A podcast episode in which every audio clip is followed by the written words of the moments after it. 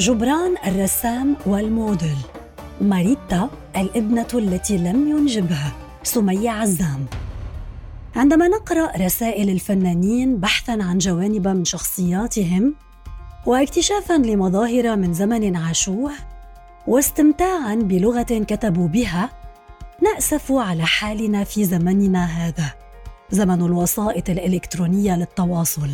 ونتساءل بحرقة. من سينقذ تاريخنا وأيامنا بهواجسها ورغباتها وأفراحها الصغيرة وآلامها. لعلها تكشف شيئا من سمات عصرنا وليس مما يخصنا فحسب. أقرأ رسائل جبران المجموعة بجهد جبار من قبل محبيه. لا لأستمتع بأدبية الكتابة أو أستعيد روحا جبرانية امتازت بألفاظ علوية أثيرة لديه أو كي أنزع غلالة عن بعض أيامه. إنما لكل ذلك مجتمعا مضافا إليه الوعي بأهمية التدوين خدمة لأجيال ستكون في موقعنا ذات يوم فتحتاج ما نحتاجه وتبحث مثلنا عما نبحث عنه حين نغدو اثرا. فرأفة بأيامنا كي لا تكون محوا وبنا كي لا نصير نسيا. نساء في حياة جبران. كثيرات هن النساء في حياة جبران. رافقنه أحببنه ساهمن في إبراز مواهبه وفي تجلية نفسه وعواطفه. وكثيرة هي رسائله ليس لأنه يؤمن بالكلمة المكتوبة بوصفها خير تعبير عما يجيش في دخيلته من مشاعر وأفكار بل لأن الوحده كانت أقرب إلى نفسه ومحبة لديه فيجد في التراسل عزاء واستغناء عن اللقاء المباشر. أشهر رسائله ما كان بينه وبين الاديبه مي زيادة ومع راعيته الأمريكية ميري هاسكل. بما كشفت من مودة وحب وامتنان. فضلا عن الحبيبة المجهولة عازفة البيانو جيرترود باري. وقد جمعت رسائله لها في كتاب مجهولة جبران لسليم مجهص وتتردد أسماء أخريات في حياته من ضمنها اسم الشاعرة جوزيفين بريستون بيبودي. صاحبة كتاب بعنوان النبي له أسبقية نشر على النبي لجبران. وقيل أن جبران استوحى رسم وجه المصطفى في النبي من ملامح وجه صديقته المهاجرة ميري قهوجي بحيث نشر الشاعر خليل حاوي رسالة يتيمة عثر عليها من جبران إليها بتاريخ 1929 ومن الأسماء أيضا من تدعي أنها حبيبة جبران الوحيدة وهي ميري الخوري عزيز التي جعلت من بيتها منتدى تستقبل فيه عمال الرابطة القلمية في نيويورك مؤسسها جبران عام 1920 تتثقف بحضورهم غير أننا قلما نعير اهتماما لمن كانت حاضرة ببهاء جسدها وانطلاقة نفسها في محترفه. ليترك لنا لوحات استلهمها من لطف تلك الفتاة التي كان يخاطبها بديباجية أميرة العزيزة في جل رسائله إليها ومختتمها بعبارة عمك المخلص خليل جبران. ماريتا جياكوبي لوسن فتاة بمنزلة ابنة لم ينجبها فقد اختبر معها مشاعر الأبوة وفق ما نستلهم من رسائله الثمانية عشر المجموعة في كتاب رسائل جبران التائهة لرياض حنين. ومن رسالته الوحيدة الموثقة إلى والدتها حيث يقول فيها أود بالحري أن تكون لي ابنة دون أي شيء آخر في العالم وأن أتألم بعذوبة بقية حياتي. ولا نعثر على ذكر لها في كتاب رسائل جبران الذي قدمه جميل جبر. وقبل هذه الموديل علينا أن نجل كاملة والدة جبران كما أجلها. وقد عملت بائعة متجولة في دروب أمريكا كي تعيله مع إخوته وأخته ميريانا التي تابعت مسيرة أمها فاستطاعت من شغل الإبرة أن تنقذ جبران من تعثراته المالية وتسهم في تعلمه وأن تحقق أمنيته بشراء دير مارسركيس في بشري شمال لبنان ليحتضن جثمانه ومقتنياته وجزءا مما أبدعه. مارييتا بين محترف جبران ورسائله. يصف جميل جبر محترف جبران في نيويورك كما يأتي. هنالك في طابق علوي من بناية قديمة تخالها أحد أديرة لبنان التاريخية في جو صومعة فسيحة هادئة كل أثاثها كرسيان وكنبة وموقد حديدي ومنصب للتصوير وسرير واطئ. وثلاث طاولات عامرات بالكتب والأوراق كان يعيش جبران في عزلة كادت تكون مطلقة لولا زيارة أصدقاء قلائل بين الحين والحين ولولا مسامرة من أعجبن بفنه وشعره من حسان امريكيه قد يذكرنا هذا الوصف بغرفة الرسام الهولندي فينسنت فان في بعض وجوهه. تروي مارييتا في مقابلة معها أجرتها جريدة النهار في 18 8 1973 أن جبران حين رأى الملامح الأنثوية الناضجة في جسمها طلب إليها ألا تعود إلى محترفه وحدها بل أن تصطحب مربيتها معها إلا أن إحدى صديقاتها التي تكبرها سنا رافقتها لعدم وجود مربية لديها. فهل كان يخشى آنذاك عدم السيطرة على جوارحه؟ فلا يحافظ على نقاء العلاقة بين الرسام والموديل. أرغب في أن يبقى بمأمن من تجربة يرفضها نزوعه الإنساني أم ليحمي مارييتا من نفسها؟ يذكر مقدم الرسائل التائهة رياض حنين أن مارييتا كانت فتاة قصيرة القامة ليست قبيحة الوجه وقد رافقت جبران أعواما كموديل بحكم نفسيتها الطيبة. ولتناسق أعضاء جسمها الملائم لريشة الفنان. وفي رسالة من جبران إلى والدتها السيدة جياكوبي يصفها بأنها أرهب رئيسة عرفتها حتى الآن ولكنها مرضية للغاية وقد لقبتها نيرونا. بعد زمن على رحيله وضعت مارييتا مخطوطا بعنوان عمي جبران ضمنته رسائله إليها.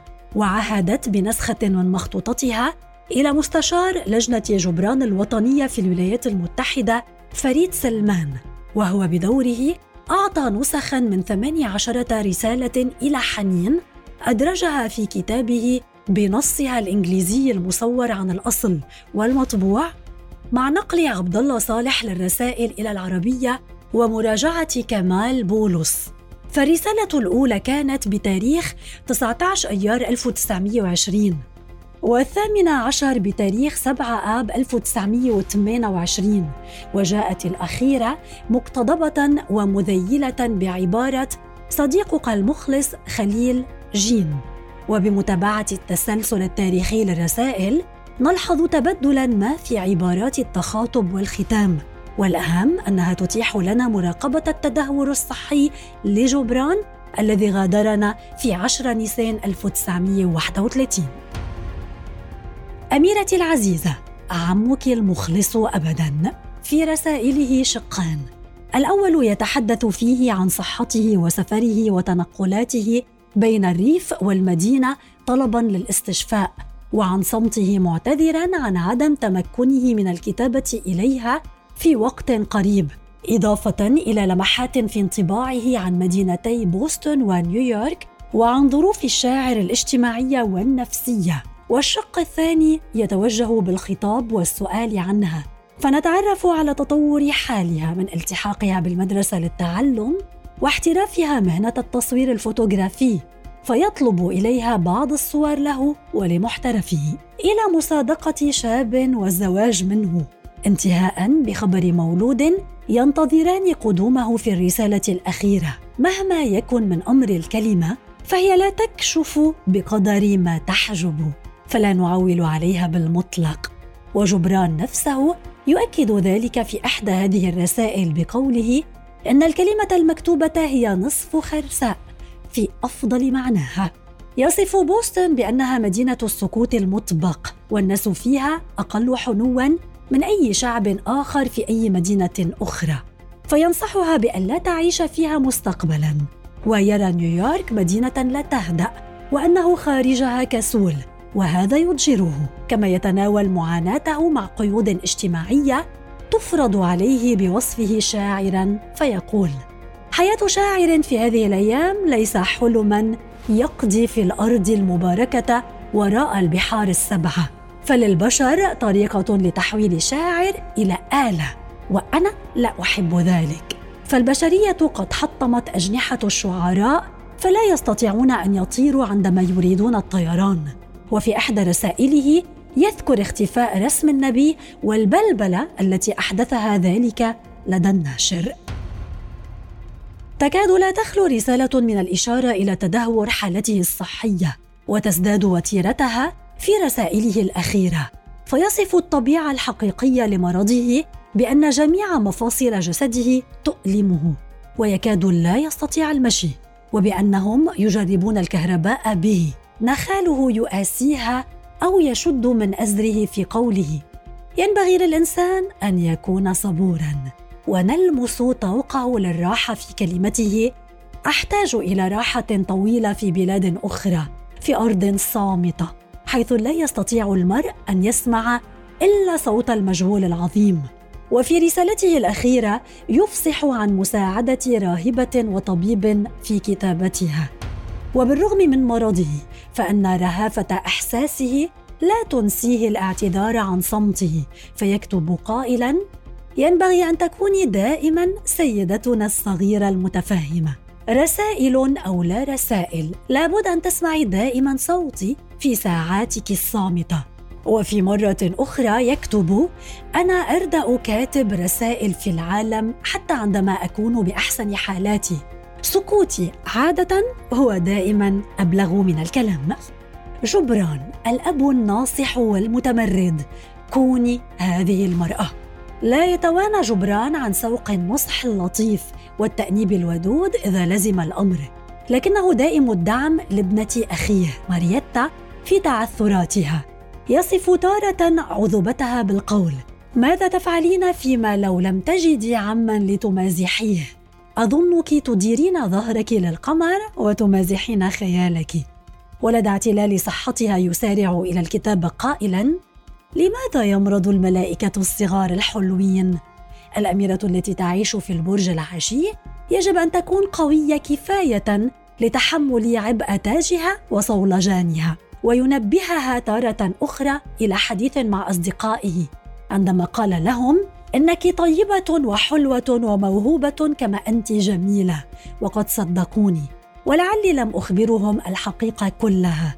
ولكن ماذا في وسع إنسان أن يقول عن ابنة أخيه عليه أن يسكت عن بعض الأشياء؟ وسرعان ما يأسف على ما يبدو وعظا منه فأزعجها. مؤكدا في غير رسالة أنه ووالدتها أصدقاؤها الحقيقيون. نود أن ترتقي وتنمي وأن تكوني شخصية مدهشة. وأنا جد مسرور بأن أمك الحلوة توافقني على بعض الأشياء وأنها حكيمة جدا وتعي الأشياء الصالحة والمباركة التي ينبغي أن تكون لك. الأعمام كالأمهات يعرفون أكثر بكثير مما تظنين. إنك تحاولين بشيء من الجهد أن تكوني امرأة نامية مكتملة الريش وأني أخشى أنك لن تنجحي حتى أغادر هذا العالم إلى عالم آخر. ومع ذلك سواء أكنت طفلة أم امرأة فأنت جذابة جدا. وعلى الرغم من كل شيء فلا بد لي من رعايتك قد أكون عما قاسيا منتقدا بين حين وآخر. في رسائله لا يختلف جبران عما هو في كتاباته الأخرى. فيبدي فرحه بخيار مارييتا الفني ويشجعها على التعلم والعمل بالقول. مهما تقولين على المدرسة فسأظل أعتقد أنها مفيدة لك. بعض العصافير يحتاج إلى أقفاص وبعض النفوس الحرة يحتاج إلى سلاسل. لا شيء ذا قيمة إلا العمل وكل ما عداه ليس بشيء سوى موت بطيء. وفي مواجهة الصعوبات يقول ينبغي ألا تكوني رعناء فالحياة نفسها ستنبئك أين تقفين وأين لا تقفين. ولو كنت مكانك لتركت للحياة أن تتكلم. نبقى مع أجمل رسائله التي تفصح عن صدق رؤيته إلى المرأة المقتدرة الشجاعة. إذ يكتب قائلا ماذا تعنين بقولك أنك هزمت عند كل منعطف في الآونة الأخيرة؟ إنك تعرفين جيدا أنك لست مهزومة بأي شكل أو أسلوب. فالولد فيك هو وحده الذي يصرخ ويتحدث عن الهزيمة. إن المرأة التي وهبها الله الشيء الكثير والتي وضع في يدها وقلبها الكثير الكثير لا تتحدث عن الانهزام ولا تنتحب ولا تحني رأسها. يجب أن تكوني ذاتك الحقيقية. احلمي أحلامك. وقومي بالعمل الصغير الواجب عليك أن تفعليه. وكوني ممتنة لأنك تستطيعين أن تحلمي وتعملي. قلبك عالم صحيح كبير جدا برمته.